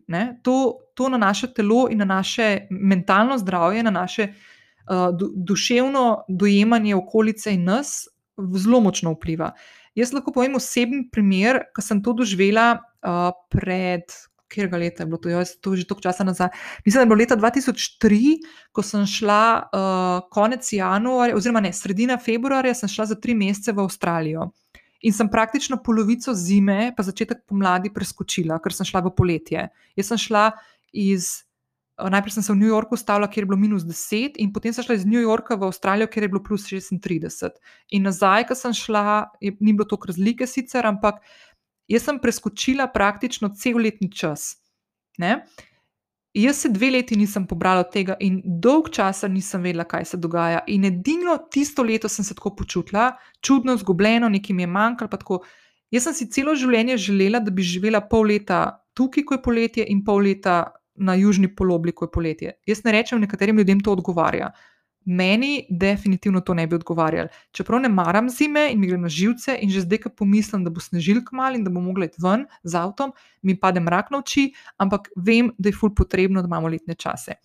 In ko se spremenijo letni časi, začne nihati naše razpoloženje. In zdaj lahko povem, da letošnje leto, ne, sem jaz občutila to zdaj le prehod v jesen, še na 66. potenco, zato ker še dodatno na to razpoloženje vplivajo tudi razmere, v katerih se trenutno nahajamo zadnjih par mesecev uh, s COVID-om. In, naprimer, če si opazila v tem obdobju pri sebi kakšno nerazpoloženost, pomankanje energije, težave z osredotočanjem, spanjem, je to lahko zelo elegantno tudi posledica tega. Um, zdaj, naj, najbolj močna je ta sezonska depresija med poletjem in zimo, ko prehajamo iz poletja v zimo in iz zime v pomlad. Nekoliko nižja je iz jeseni v zimo in iz pomladi v poletje. Ko imamo ful veliko sonca, ko imamo ful veliko vitamina D v naravi, potem smo ful veseli in smo polni energije in serotonina in vsi smo happy. Takrat ne tega ne čutimo. Ampak, ko pa gremo ven iz tega lovely dovly momenta, se pa začnejo lahko dogajati malo bolj druge obrati. Tako da um, zdaj jaz v letošnjem uh, letu, septembra, čutim te stvari tako res na full potenco. In eden od razlogov, kot sem omenila, zakaj te epizode nisem dala ven prejšnji teden. In sem blazno vesela, da sem imela posnet pogovor s Tanjo, ki je v prejšnjem, uh, prejšnji epizodi bila gostja. Um, je zato, ker enostavno nisem se mogla osredotočiti totalno sem bila nerazpoložena. Lahko tudi povem zdaj javno, da sem prejšnji teden se šla tudi testirati za COVID, ker sem se ful slabo počutila in sem imela občutek, da sem ujela tudi korona, korono, uh, pa sem na negativna pol, hvala Bogu. Uh, ampak, v glavnem, vse tako je šlo, res ni bilo ok. In um, pri sezonski depresiji gre dejansko za to, da, uh, tako kot sem omenila, da sezonske spremembe, letni časi motijo naše hormone. In predvsem tukaj govorimo o serotoninu in uh, melatoninu, ki uravnavata razpoloženje, počutje in naš spanec. Ne? Zdaj, um, fino je, naprimer, če si za to zdaj prvič slišala, da se spremljaš zdaj od zdaj naprej ne? in potem pogledaš, kako si se prejšnje leto počutila, kako se boš naslednje leto počutila, in tako malo spremljaš, in lahko potem se tudi pripraviš do določene mere. Oziroma, kot sem jaz letos, sem se spomnila, da ok, tako le se počutam, ok, kul, cool, to je lahko tudi sezonska depresija, v redu je, to je posledica tega, ne biti zafrknjena do sebe, da si čas, boš dala naslednji teden ven epizodo o mentalnem zdravju, čeprav je prejšnji teden bila ta tematika bolj aktualna in tako naprej. Dobro, mentalno zdravje je skozi aktualno, tako da pustimo. Ampak zdaj če želiš um, malo več vedeti o tem, kaj je uh, sezonska depresija, ti predlagam, da si greš malo pogooglati. Sem pa jaz zdaj pripravila še najpogostejše simptome, ki spremljajo sezonsko depresijo, in nekaj idej, kako lahko te stvari. Um, Mal brzdaš. Zdaj, med simptomi so, kot sem že prej omenila, lahko je občutek slabega počutja, ki traja večino dneva ali pa skoraj vsak dan ali pa daljše obdobje lahko gre za izgubo zanimanja za tiste stvari, v katerih običajno uživaš uh, in te delajo srečno. Naprimer, lahko so to stvari iz tvoje jutranje rutine. Tudi en razlog, zakaj me je malo propadla. Potem je lahko občutek nenehne utrujenosti, pomankanja energije, težave z vzdrževanjem pozornosti in koncentracije, lahko so celo občutki brezupnosti, uh, Težave s spanjem, tukaj lahko pride do obojega. Lahko preveč spiš ali pa premalo spiš in se zjutraj zbudiš utrujena. To je tisto, kar sem prej omenila, da je meni Andrej Marušič rekel, da veliko spim, pa ne sanjam, pa da se kljub temu, da sem spala 12-14 ur na dan, da sem se zbudila zjutraj, kot bi spala eno uro. Ne? In lahko se zgodi tudi sprememba v apetitu. Lahko ješ več ali pa manj kot običajno, in ponavadi lahko v tem času v letu prihaja do spremembe v teži. Jaz lahko povem, da naprimer pred poletjem se jaz vedno zradim. vedno. In ponovadi sem v najbolj optimalni formi januarja ali februarja. Pa ne zato, ker bi začela z novoletnimi zaobljubami, ampak ne vem, takrat sem jaz fulbol razpoložena za te stvari in se mi fulbol primejo te vadbe. Zdaj, kaj ti lahko pomaga, da se boš, če se slučajno v tem trenutku, tako kot jaz, spopadaš s temi občutki uh, in te mal bremeni ta sezonska depresija, je ene par stvari, ki ti lahko pomagajo. Ena stvar je svetlobna terapija. Uh, tukaj mislim predvsem to, da si naprimer doma prežgeš kakšne te nežne tone svetlobe. Uh, tista himalajska solna lučka, naprimer, ki imajo ponavadi v kakšnih študijih, joga ali pa kozmetičnih salonih, to je naprimer ta rdeča svetloba, je full fine za. za Takšno obliko uh, terapije, in da vsak dan, če je sonce zunaj, pet na sprehod, pet na svež zrak, uh, nauži se vitamina D, naravnega, ki pride sonce, in tako naprej. Um, Druga stvar je lahko aromaterapija. Jaz tukaj nisem strokovnjak. Uh, ko sem še živela v prejšnjem stanovanju in smela banjo, sem si eterično olje, sem pa tja kakšno kapljico dala zvečer v kopel. Zdaj imam tuš in tega ne delam več, tako da jaz eterična olja ne prakticiram, je pa to lahko ena od stvari. Spet se vračam na naslednjo stvar, telesna aktivnost. Bolj ko boš telesno aktivna, bolj se boš počutila, bolj globoko boš spala, bolj boš spočita. Uh, tukaj lahko vključiš tudi kakšne sprehode po svežem zraku, um, vadbo, naprimer, lahko zdaj bojo spet full aktualne vadbe prek spleta. Tako da jaz ti nuša predlagam, če še nisi spoznala, kaj jaz to delam, lahko iz prve roke ti povem, da je super. Tako da to, kakšno jogo, počasen flow, kar ti paš, lahko plešaš doma, full dobro. Uh, potem pisanje dnevnika, danes smo že o tem govorili. Uh, potem, da se držiš nekega urnika, ki ga imaš. Uh, včasih je to ful težko, jaz sem imela s tem ful težave prejšnji teden in se pokro vzela čas, pa sem na Netflixu čepela cele te cele dneve. Um, fino je, da probaš, če se le da, se držiš nekega tistega ustaljenega tempa, ki ga imaš v življenju. Um, tukaj lahko ti spet tudi malo pomaga, kakšne vaje produktivnosti iz tistih epizod 24 do 29. Uh, ti lahko kakšna stvar pride prav, da si boš sestavljal nek tak optimalen urnik, ki ti bo omogočal, da boš imela potem tudi ful pomembno stvar čas zase. Pa lahko je tudi gre za dodajanje vitamina D, uh, ki je krasen za uh, nekako dodatno energijo in uh, krepitev tega splošnega počutja. Ok, uf, evo, skoraj smo prišli do konca. Zdaj bom odgovorila še na par vprašanj, uh, ki sem jih dobila. Uh, Tiste, ki uh, ste poslali vprašanje, pa danes ne bom ujela vašega vprašanja, prosim, ne mi zameriti, bom vključila v kakšno od naslednjih epizod uh, ali pa ga bom celo postavila kakšnemu sogovorniku, sogovornici, ki je strokovnjakinja na tem področju. Uh, vem, da sem dobila vprašanje za panične napade, kako z njimi upravljati. Uh, jaz imam s tem fulmal osebnih izkušenj in naprimer, tega vprašanja rajše ne. Rajše, preden, preden rečem, dihaj skozi nos, pa globoko, kar je edina stvar, ki bi zdaj znala svetovati, drugih nimam, tako da bom raje to pustila, da odgovori kakšen, um, kakšen bolj tak strokovnjak na tem področju. Okay, prvo vprašanje uh, je bilo, če sem pri izgorelosti imela težave s spanjem in kako sem jih rešila. Um, jaz dejansko mislim, uh, mislim, da dejansko izgorelosti v življenju, ta prave izgorelosti, nisem doživela. Uh, To lahko rečem, zato ker sem imela okoli sebe ljudi, ki so imeli res težke oblike uh, izgorelosti. Um, in uh, s tem, ko sem prebrala tudi knjigo od Aljoša Bagole, mojega sošolca in bivšega sodelavca na pristopu, uh, pa tudi, ko smo se pogovarjali, ko mi je opisoval, kaj se njemu dogajalo, um, jaz teh stvari, kot jih je imel on, nisem pri sebi nikoli na tak način doživela. Uh, Uh, bom pa ponovila še eno stvar. Pri izgorelosti je res ful pomembno vedeti, da izgorelost ni posledica tega, da smo preveč delovni, da imamo preveč dela, ampak da imamo delo, ki nas ne osrečuje, v katerem ne vidimo smisla, in da smo v okoljih, ki so negativna ali pa neprijazna. Zdaj, spet lahko je mobbing, lahko so slabi odnosi in tako naprej. To so ključne stvari, ki se lahko potem zgodijo. In zdaj, če dolg čas ustrajamo v takšnem okolju, lahko pride do večjih komplikacij, ki ponavadi pri izgorelosti ne vplivajo samo na mentalno zdravje, tako kot pri naprimer depresiji, pa teh stvarih, ki sem jih jaz danes omenjala, ampak se zelo hitro zna zgoditi, da grejo tudi na telesno, na fizične probleme. Um, in ponavadi je tako, da naši možgani, naše čustvovanje prenese bistveno večje napore uh, kot naše telo.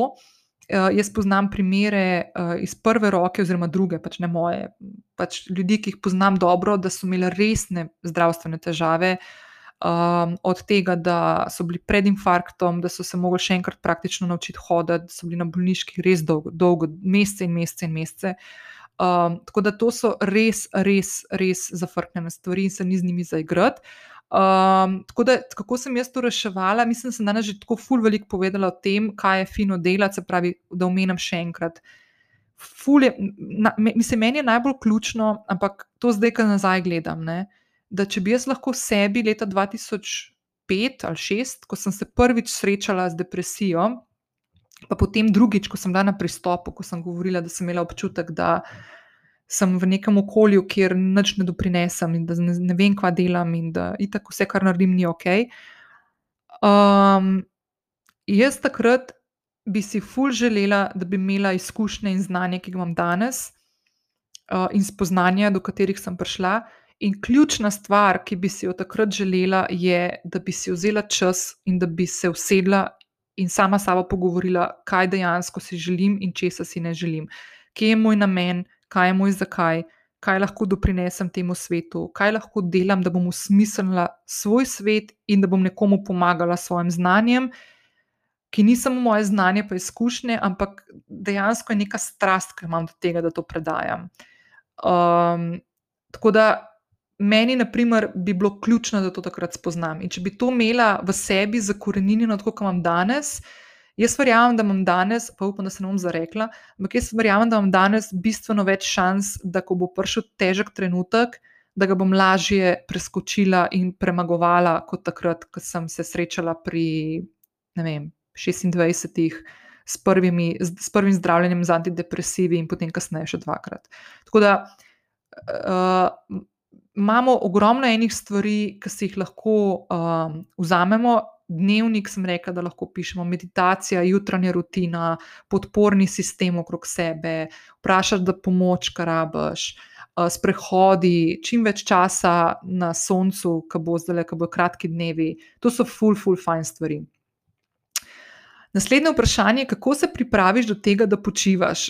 Zdaj mi gre ful na smeh, ker se mi zdi, da imam jaz malo včasih težavo, ker uh, eh, ki izležavam tako ful. Um, tako da včasih bi rekla, bi ful bilo bolje, če me kdo vpraša, kako se spraviš iz unga izležavanja nazaj v pogon. Um, ja, včasih zna biti težko, uh, sploh, ker si navajen biti na visokih obratih. Um, ampak jaz bi mogoče začela tako. Če bi zdaj le jaz se spomnila, ker imam obdobja, naprimer, ki pregorevam in mi to dogaja in to mi je fajn in vse, in kar ne morem nehati. Ne? Delati, pa bi še kaj naredila, pa še kaj naredila, pa se moram prav fizično ustaviti, ne? tako prav iti ven iz pisarne, pa zapreti računalnik. Uh, jaz takrat, na primer, um, naredim nekaj, kar mi je fully všeč. Naprimer, vzamem, včasih kakšno stvar narišem, pa, pa by the way, to niso take stvari, ki bi pokazala komorkoli, pa na to v smeti vržem. Ali pa. Um, ali pa ne vem, si, meni je fulfajn, ker se prežgem, naprimer, kakšen podcast, pa grem kuhati, ali pa grem pospraviti stanovanje, ali pa se uležem, pa zaspim, ali pa grem na sprehod, pa pustim telefon doma.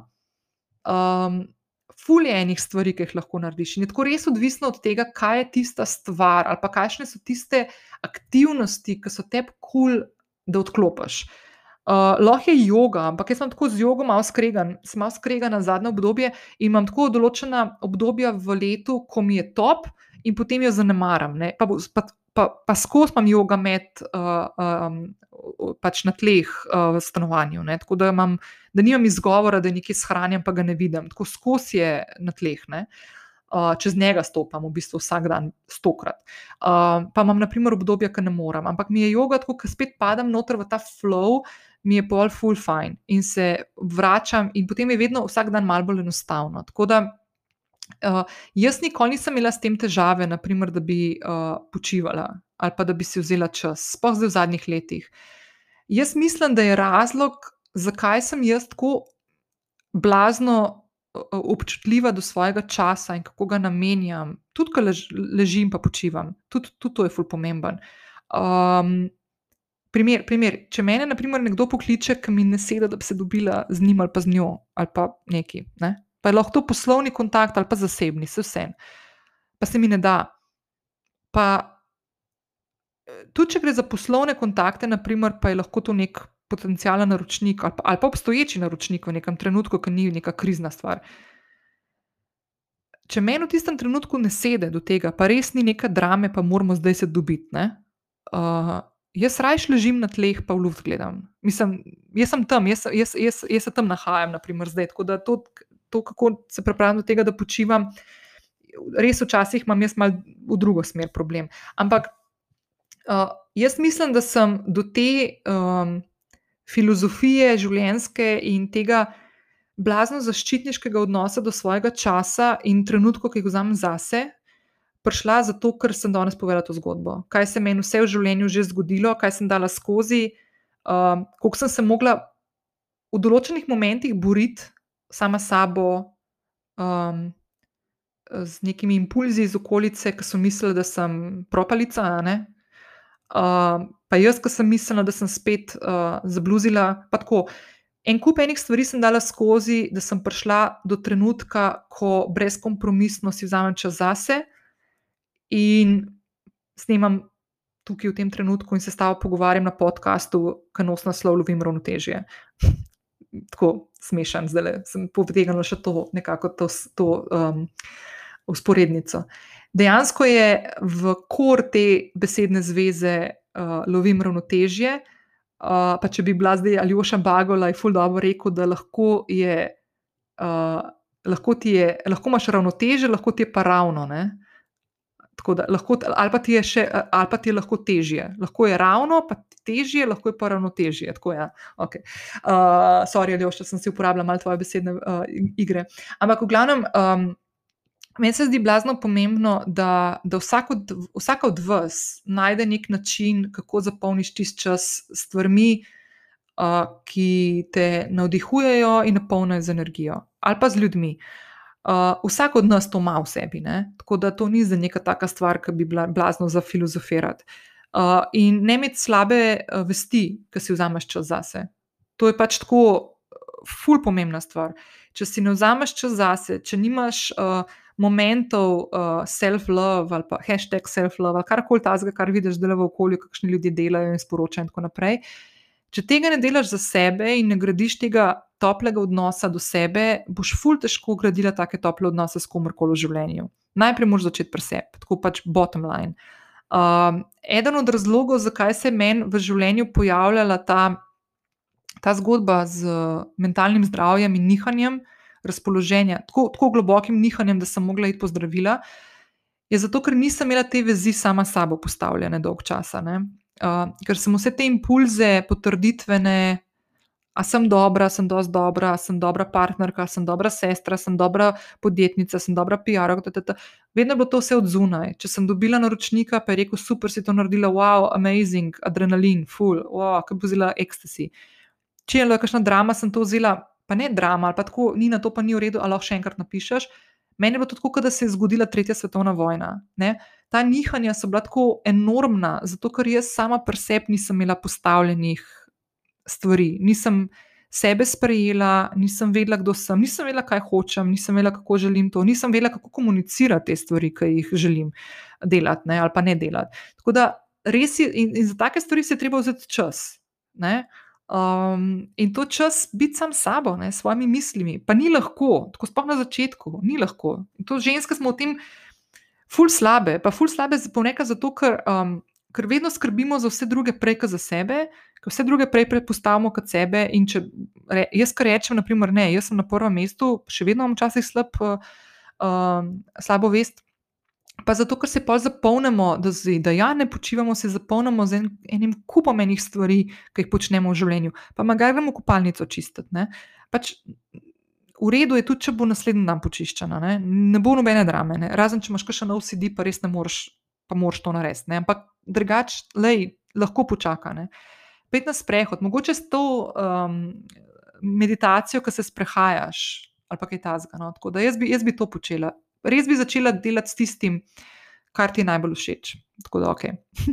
Uh, kako reagiraš, ko se začneš pomikati v svet zase in začneš odklapljati ljudi, ali si hodila k psihoterapeutu?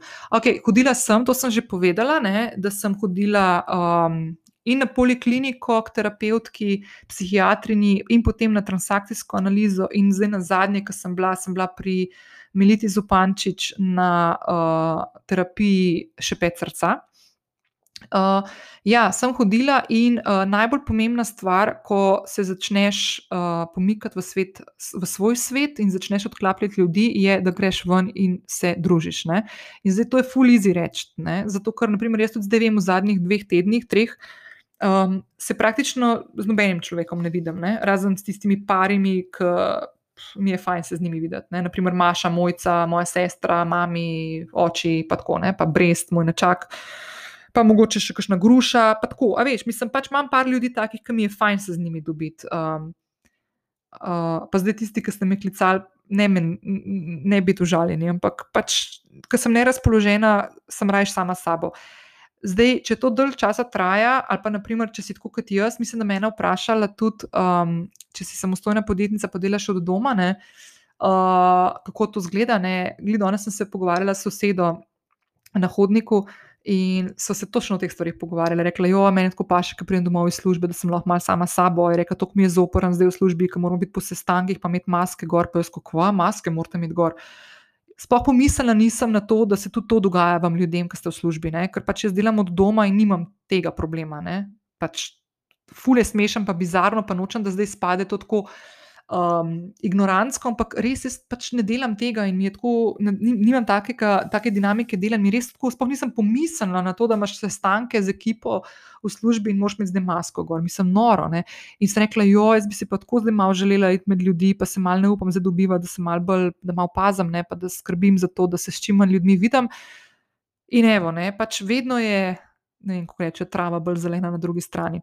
Ampak najti nek način, ali pa imeti, zdaj, če imaš ti podporni sistem ljudi, ki te podpirajo, motivirajo, navdihujejo, spodbujajo in to. Pa boš ful lažje se tudi v trenutkih, ko se boš začela pomikati vase, pa, pa, pa odklapljati ljudi, boš ful lažje take ljudi, ki so tvoj podporni sistem, pustila zraven. Oziroma, bom rekla drugače, tisti ljudje, ki so tvoj podporni sistem, take stvari zaznajo in te vprašajo, a rabaš kaj, a potrebuješ, da ti pridem kaj pomagati, a rabiš, da ti skočim v trgovino. To so pač te stvari, ki začneš lahko um, nekako stopiti ven iz začaranega kroga. To je naslednje vprašanje, kako stopiti iz začaranega kroga. S temi mehkimi koraki, ne morejo biti veliki koraki. Nikoli, mi, mi smo tako fulno navajeni, da je treba, ne vem, če hočeš neko spremembo narediti, moraš narediti res tako ful veliko spremembo, da se bo res ful čutila, tako da se bom tresla. Da tisto hoja izven cone obdobja, ne, ful popularna stvar. Je treba, ful je treba iti ven. Ne. Ne, ne, ni treba iti ful veliko ven, ker če boš šel ful veliko ven, imaš ful več možnosti, da totalno padeš po tleh, pa kolapsiraš in ne boš nikoli več stopil ven iz uh, cone obdobja. Treba je iti, seveda, ven, da ti ni udobno, ampak vseeno z nekim občutkom, v navednicah neke varnosti. Zelo je to finančna, lahko je to fizična, lahko je to čustvena, karkoli. Ampak, če delamo prevelike skoke, prevelike korake, nas lahko fulbol nekam zrotira. Počasi. Počasi, počasi se daleč pride, pravijo. In tudi tle velja isto, tudi pri začaranem krogu, pri pomikanju vase. Ne biti bit ful, ful um, zahtevni do sebe. Tako spet se vračam nazaj na tisto self-love, imeti se rad. Pridejo dnevi, ki so, bom rekla po domač, zajebani. Vsi jih imamo. Jaz sem jih imela zdaj le, po mojem, dva tedna skupaj, pa še se niso končali, pa zdaj še retrogradni Merkur. Sorry, če sem zdaj komu naredila um, spoiler, če, ni, če kakšno ni vedela, ampak ja, tudi, tudi to se zdaj dogaja. In se bo čutil, in bojo stvari se dogajale. In ja, počasi dihati, počasi vrniti se na neke tiste stvari, ki ti prinašajo veselje, ljudi, ki jih imaš rada, se obdati z njimi, se pogovarjati po FaceTimeu, Skypeu, Zoomu, karkoli takega, če se ne morete fizično videti. Ful stvari se da narediti, dnevnik pišete, meditacija je lahko, ples, nočeš, ti joga ne sede, ni panike. Ful dobro je Klara, Klara Leben uh, na Instagramu je In Bed with Klara, pa podcast ima uh, In Bed tudi. Um, je zdaj le par dni nazaj objavila, kako so sestrami, pa očeta so hoteli poklicati zdrav, pa se ni pustil. so ful plesale, tako strgano plesale po stanovanju. Ne. Mislim, to so take stvari, ki si po, ki sem to gledala, sem rekla, šit, to moram spet narediti, ker že dolgo časa nisem. Biti malo nor, ne. Sej ni panike, noben te ne vidi, pač dej ven tisto iz sebe, napiš v dnevnik, ne vem, whatever, se noben ne bere drug, drug kot ti. Tako da filtrirati je treba te stvari. No. Tako da ja. Uh, naslednja stvar, naslednje vprašanje je bilo namenjeno poporodni depresiji. Jaz ga bom preskočila, zato ker nimam izkušenj tle, nisem nikoli rodila, nimam otrok. Najbližje temu sem bila pri sestri, ki je imela močno poporodno depresijo, pa bom z njo govorila, če bi bila pripravljena ona kaj več o, tem, o tej stvari povedati. Uh, dobri coping mehanizmi za um, anksioznost, tesnobo. Uh, uf, ok. Uh, jaz imam tudi tesnobne trenutke, uh, to je kar močno. Um, ful pomembno je spet čas zase, ampak pri meni to ni problem, ker si res veliko časa zase vzamem.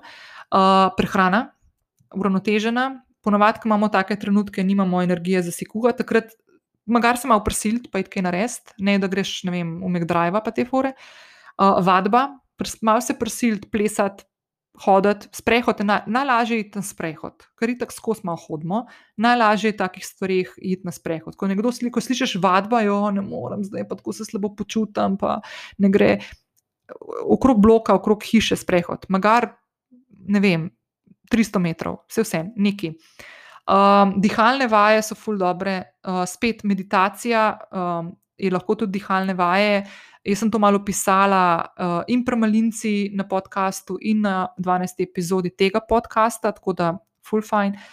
Um, ful pomembna stvar je, uh, da dovolj spiš, vsaj 7-8 ur, vsaj. Uh, vedno je fajn, da se pazi, koliko kofeina spijemo čez dan. Uh, Uh, jaz sem včasih imela obdobje, ko sem spila tudi po šest espresov na dan, da ne spijem eno kavo zjutraj, pa mogoče, če grem ven še kakšno, ampak mi nikoli ne naredi dobro, tako da mi je vedno žal, da sem jo spila. Um, ne se obsojati, spet self-love, prijazni do sebe, prijazni do sebe, prijazni do sebe. Uh, Uh, pa če se le da, daš alkohol na stran, še dobro, sem jaz danes povedal, da sem si natočila kozarc, ampak ok, še vedno je poln, by the way. Um, tako da to, uh, ja, po mojem, so to najbolj taki. Pa res dihanje, ko se najdeš v trenutku, da si tesnobna, dihanje, dnevnik. Dnevnik je full, full fine uh, stvar, kot sem prej omenila, najboljši terapeut na svetu. Ok, osamljenost pri samostojnih podjetnikih, to sem že omenila. Bom jaz naredila eno celo epizodo na to temo, okay? zato ker uh, se mi zdi, da se spet malo bliža tole obdobje, ko nočem klicati hudiča, ne? ampak se mi zdi, da bomo spet malo več od doma, ne? bili vsi skupaj. Uh, tako da bom jaz to malo griznila v to temo. Ja. Um, terapeut, pa kako izbrati pravega terapeuta? Uh, ok, jo je težko ful bom težko to rekla, zato ker jaz sem dejansko razen tele Irene na polikliniki, ki nisem poznala, dejansko sem po priporočilih vse terapeute, uh, tako te klinične, se pravi doktorje, psihiatrije, psihologije. Kot terapeute, ki se ukvarjajo z različnimi tipi, kot je naprimer transakcijska analiza ali pa to, ko je Melita Zupančič razvila svojo terapijo, še pet srca. Uh, Um, jaz sem jih izbrala po priporočilu ljudi, ki jim ful zaupam, ki so to dali skozi in ki so vedeli, um, kaj se, kaj so, kaj, kakšno, um, kaj, kaj mi, zakaj mi je prišlo to prav, no, tako da jim tako rečem. Tako da uh, jaz bi tako, ampak zdaj tako, če hočeš dobiti priporočilo, pomeni, da se moraš pogovarjati in da moraš povedati, da imaš neko težavo. Ne? Vprašati za pomoč, imeti podporni sistem, in tako naprej. Tako da jaz nimam zdaj nekoga, nekega terapeuta, ki bi rekla, da ja, ta je full fine. Uh, prej sem omenila, da obstajajo tudi uh, terapeuti, ki se nahajajo v javnih zavodih, kot je naprimer v Ljubljani UKC oziroma Poliklinika. Tam je cel oddelek, um, celo nadstropje, uh, en del nadstropja, en hodnik je poln ambulant za psihiatrijo in psihologijo. uh, in to gre na zavarovanje, tako da če nimaš slučajno možnosti, da si plačaš. Bo, če pa imaš možnosti, da si plačaš, pa hočeš uh, iti sist prek sistema zdravstvenega zavarovanja, bom pa eno stvar rekla. Če si lahko privoščiš tudi finančno, privošči si res dobro terapijo. To je investicija, to je kot avto, ki pelješ, zdaj le bojo spet gume zamenjati, ali pa gre pelješ na letni servis. Nobena panika ni, če pelješ tudi sebe, pa svoje čustvovanje na servis. Uh, to so stvari, ki so normalne in nujne. Na tak način tudi rastemo ljudje, se razvijamo, spoznavamo sebe, spoznavamo svet, ki je okrog nas, znamo se prilagajati hitreje, znamo se uh, lepš pogovarjati sami s sabo, ugotoviti, kje so tiste stvari, ki jih lahko popravimo, kje so tiste stvari, s katerimi se bolj sprijazen, pa pač gremo naprej. V glavnem, terapeut je full fine stvar, tako da ne se tega bati. Tudi še eno stvar, preden bomo danes zaključili, kar sem hotela res full izpostaviti če se kdaj znajdeš, ali pa si se že znašla, ali pa si v tem trenutku predtem, v situaciji, ko boš postavljena pred dejstvo, da ti tvoj zdravnik ali pa psihiater ali pa psiholog svetuje, da vzameš antidepresive. To ni noben konc sveta. To ni nič groznega, to ni nič slabega, to ni nič tazga, ki bi rekla, da si uh, naredila, ne vem, ful stvari na robe, da ne veš, da, da si propalica po domače. To ne pomeni to. Vsak človek v življenju se znajde v situaciji, ko rabi pomoč. In včasih se zgodi, da če želiš hitreje priti na zeleno vejo, ti lahko pri tem pomagajo tudi zdravila. Ali pa če ne moreš drugače. Jaz vem, da v dveh, ne, ne bom rekla dveh, v vseh treh primerih, ko sem se znašla potem v zdravljenju z antidepresivi, je bilo ključnega pomena, da sem takrat vzela ta tip pomoči. Dva razloga sta. Prvi je zato, ker nisem znala ven iz tega priti sama. In drugi razlog je bil, da nisem imela možnosti, časovne možnosti, da bi si vzela čas, kot bi si ga lahko danes, da bi te stvari predelovala skozi terapijo, uh, pogovorno terapijo uh, s terapeutom. Včasih enostavno nimaš časa in rabiš pomoč hitreje. In antidepresivi so namenjeni temu. Moje mnenje, ampak spet to je moje mnenje, tisti, ki me poznate, veste, da je to moje mnenje. Ful blizu imam ljudi v življenju, ki vejo, da sem ful kritična do tega. Uh, jaz sem prepričana, da so antidepresivi za omejeno obdobje. Se pravi, da na antidepresivih nisi leta in desetletja, ampak da si v nekem omejenem obdobju in potem začneš graditi na drugih stvarih. Zato, ker moraš sebe krepiti. Ker če ne krepiš sebe, potem si lahko celo življenje na tabletih. In ne rabiš biti celo življenje na tabletih. Mislim, ne rabiš. V večji večini primerov ne rabiš. So primeri, ko so antidepresivi dobri, tudi za kakšne druge pove, povezljive bolezni in stanja, Ampak v takem primeru, kot sem ga imela jaz, sem prepričana iz svoje izkušnje, da se te stvari lahko delajo tudi na drugačen način. Ampak spet, nisem zdravnica, nočem pa metvati, kot bom raje zdaj zaključila. Ok. Uh, tehnike obvladovanja stresnih situacij. Um, okay. Najprej, ko se zgodi neka stresna situacija, lahko je to v službi, lahko je doma, se je ful treba zavedati, da uh, samo ti si tista, ki lahko vplivaš na to, kako določene stvari dojemaš in jih vzameš. Noben drug tega ne more. Okay? Če se boš odločila, da je to drama, bo pač drama. Če se boš odločila, da boš igrala vlogo žrtve, boš žrtev. Če se boš odločila, da boš igrala vlogo preganjavca, da boš nekoga priganjala, kaj mora narediti, potem boš pač priganjala, pa laufala za drugimi, kot sem naprimer jaz, pa sem šla zaradi tega kmeliti, kaj morajo drugi narediti. Tako da vedno se treba tega zavedati, da si ustvarjalec svoje realnosti, v največjih primerih. Ne vedno, ampak večinoma. Full fine je, da ko pride do stresa, mm, imaš neke mehanizme oziroma načine, kako se na hitro sprostiti. Zdaj, ena od stvari so dihalne vaje. Uh, globoko dihanje skozi nos, globoko dihanje, je tisto dihanje, ki napnemo trebuh, tako da ponovadi ga ženske not vlečemo, da ga pustimo, da se ful napihne, da smo malo noseče. Okay? Tako pač fajn napoln z kisikom telo in potem izdih skozi nos. Čim daljše vdihe in izdihe, zato si skozi nos, ful nujno skozi nos. Ko dihamo skozi usta, ful hiperventiliramo. Preveč vdihov in izdihov naredimo v minuti in to vpliva potem tudi na stanje stresa v telesu in na hormonov stresnih. Tako da kortizol se ti ful nabija vsakič, ko prehiter dihaš skozi usta in skozi usta vedno dihamo prehitro. Tako da zapreti usta in dihati skozi nos, vedno. V pisarni, pri delu, ko delaš jogo, ko meditiraš in tako naprej. Meditacija je tudi ena taka tehnika, ki je full fine. Najdeš nek način, da tebi ustreza in odgovarja.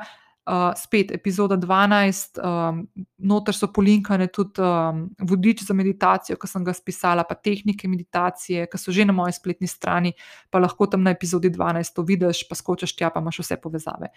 Sprehodi, narava, družba, telesna aktivnost, kuhanje, če te to veseli, pospravljanje stanovanja, če te to veseli. Uh, praksa hvaležnosti, da se osredotočiš na tiste stvari in ljudi, ki jih že imaš v življenju in ti veliko pomenijo, in ne na tiste stvari, ki jih nimaš. Ful, ful, pomembna stvar.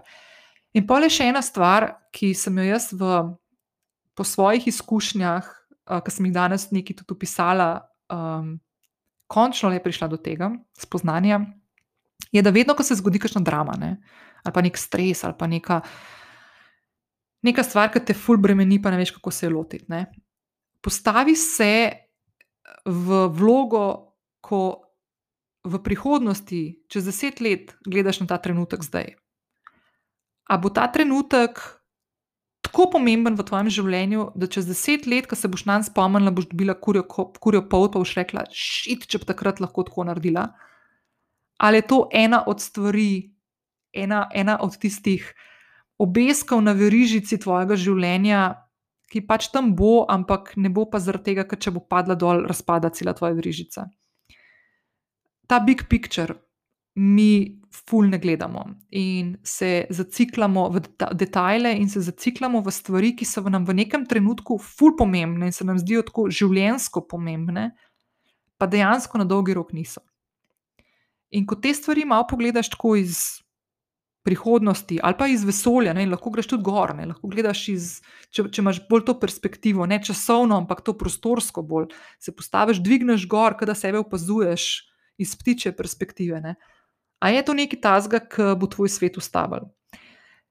Moramo se ful zavedati, ne, pa to imamo ljudje s tem ful probleme, pa jaz imam tudi s tem še probleme, se še zalotam, ampak da drama, ki se tebi dogaja v življenju, ne pomeni, da je konec sveta. Zato, ker cel svet se ne vrti okrog tebe, čeprav pač tvoj svet se vrti okrog tebe, ne normalno, ker smo egoisti, pa pač imamo ta občutek, da to je naš življenje. Ampak generalno gledano se svet in stvari, ki se dogajajo v svetu, ne dogajajo tebi, ampak se dogajajo.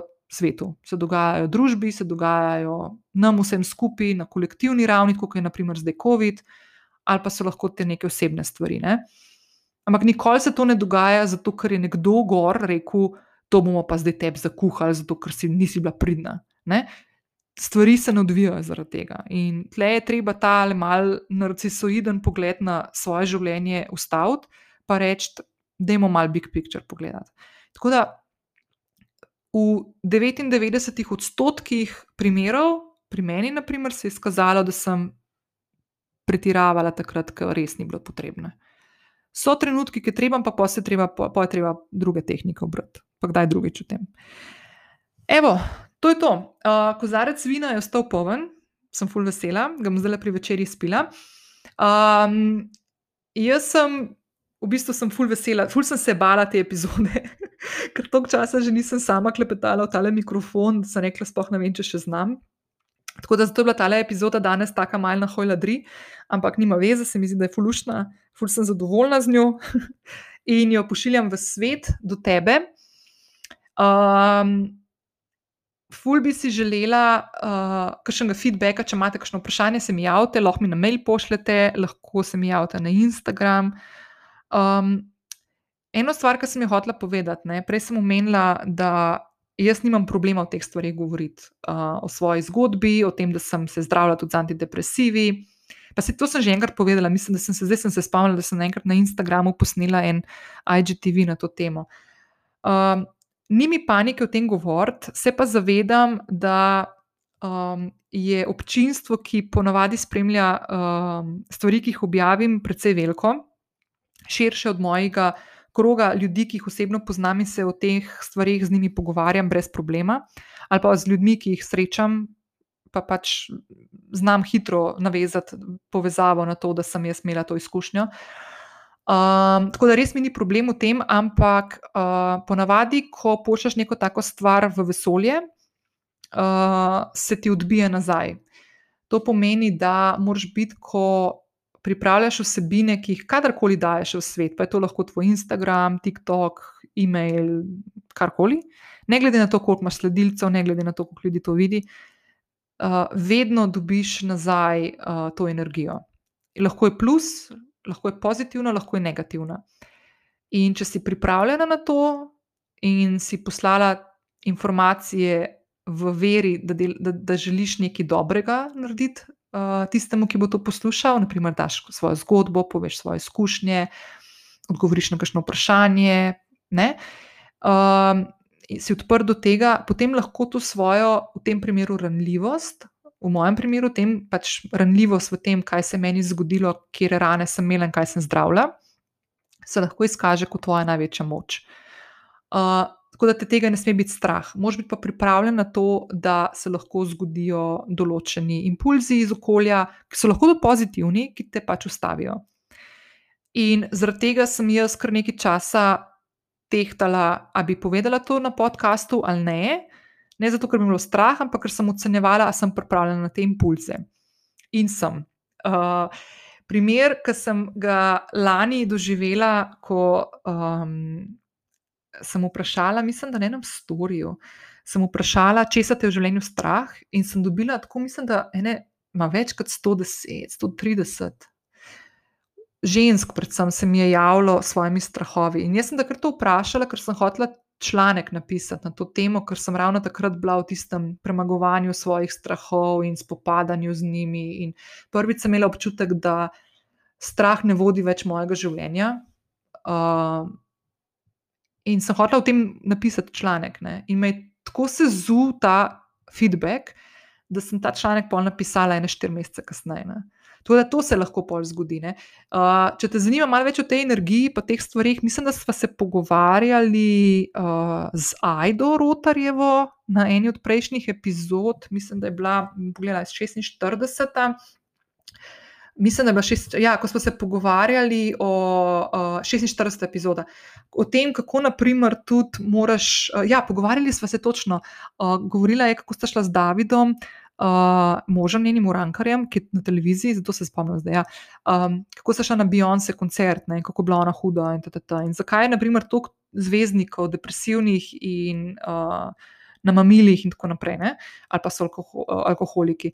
Um, Zato, ker se zgodi en trenutek v njihovem življenju, ko so vse oči uprte v njih, uh, ali pa vsa ušesa, ali pa vsa usta, kako koli, in spremljajo vsak njihov gib, ne? ali pa vsako besedo, ki jo izrečeš, kot naprimer imam jaz zdaj na podkastu in ti poslušaš. In, in ta energija, ko nekdo posluša tvoje besede, gleda tvoje gibe, gleda tebe na televiziji, gleda tebe na odru, kakorkoli se manifestira tako, da se v bistvu priklapljajo ljudje na tebe ne, z energijo. In te, te, te stvari treba pač korigirati. Ne. In če se tega zavedaš, jaz se že zdaj, ko to govorim, pripravljam na to, da bom pripravljena, ko bom dobila feedback.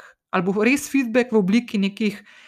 Odgovorov ali pa vprašanj ali pa sporočil, ali pa samo to, da bo toliko in toliko tisoč ljudi poslušalo to epizodo. Um, da te stvari treba biti pripravljene. Večina teh ljudi na to ni pripravljena, ker se z njimi noben s temi, s temi zadevami ne ukvarja. Ne.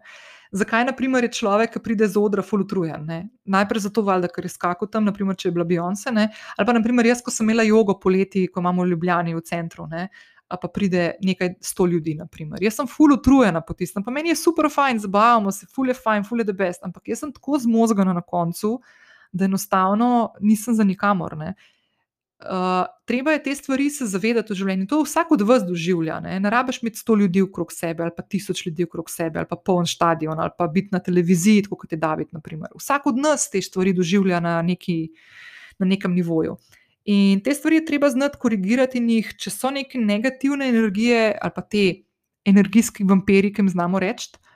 Uh, je treba znati to upravljati s tem. Ne? In to lahko upravljaš samo tako, da sebe postaviš in si močen, in se ne premakneš, takrat, ko se nekaj odločiš. Da, ja. Evo, to je še tak za zaključek. Ampak ja, uh, ful sem vesela, da sem speljala to epizodo do konca, bistveno daljša je, kot sem si zamislila, da bo, ampak evo, mi je tekel jezik danes tukaj le in uh, priznam, da je kozarč še vedno po tega vina, ampak ja, v glavnem.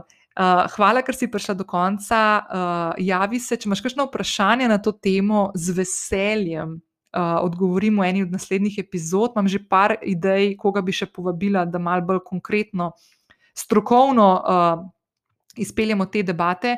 In to so stvari, ki jih bom vključevala malo bolj tudi uh, v vsebine, zato se mi zdi blazno pomembno, da se o tem pogovarjamo. Tako da, evo, hvala.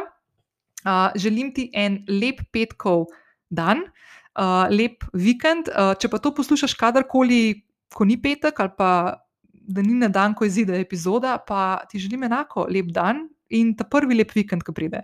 Tako da lepo se majte, hvala, da ste bili do konca z mano in uh, se slišmo naslednji teden. Ciao!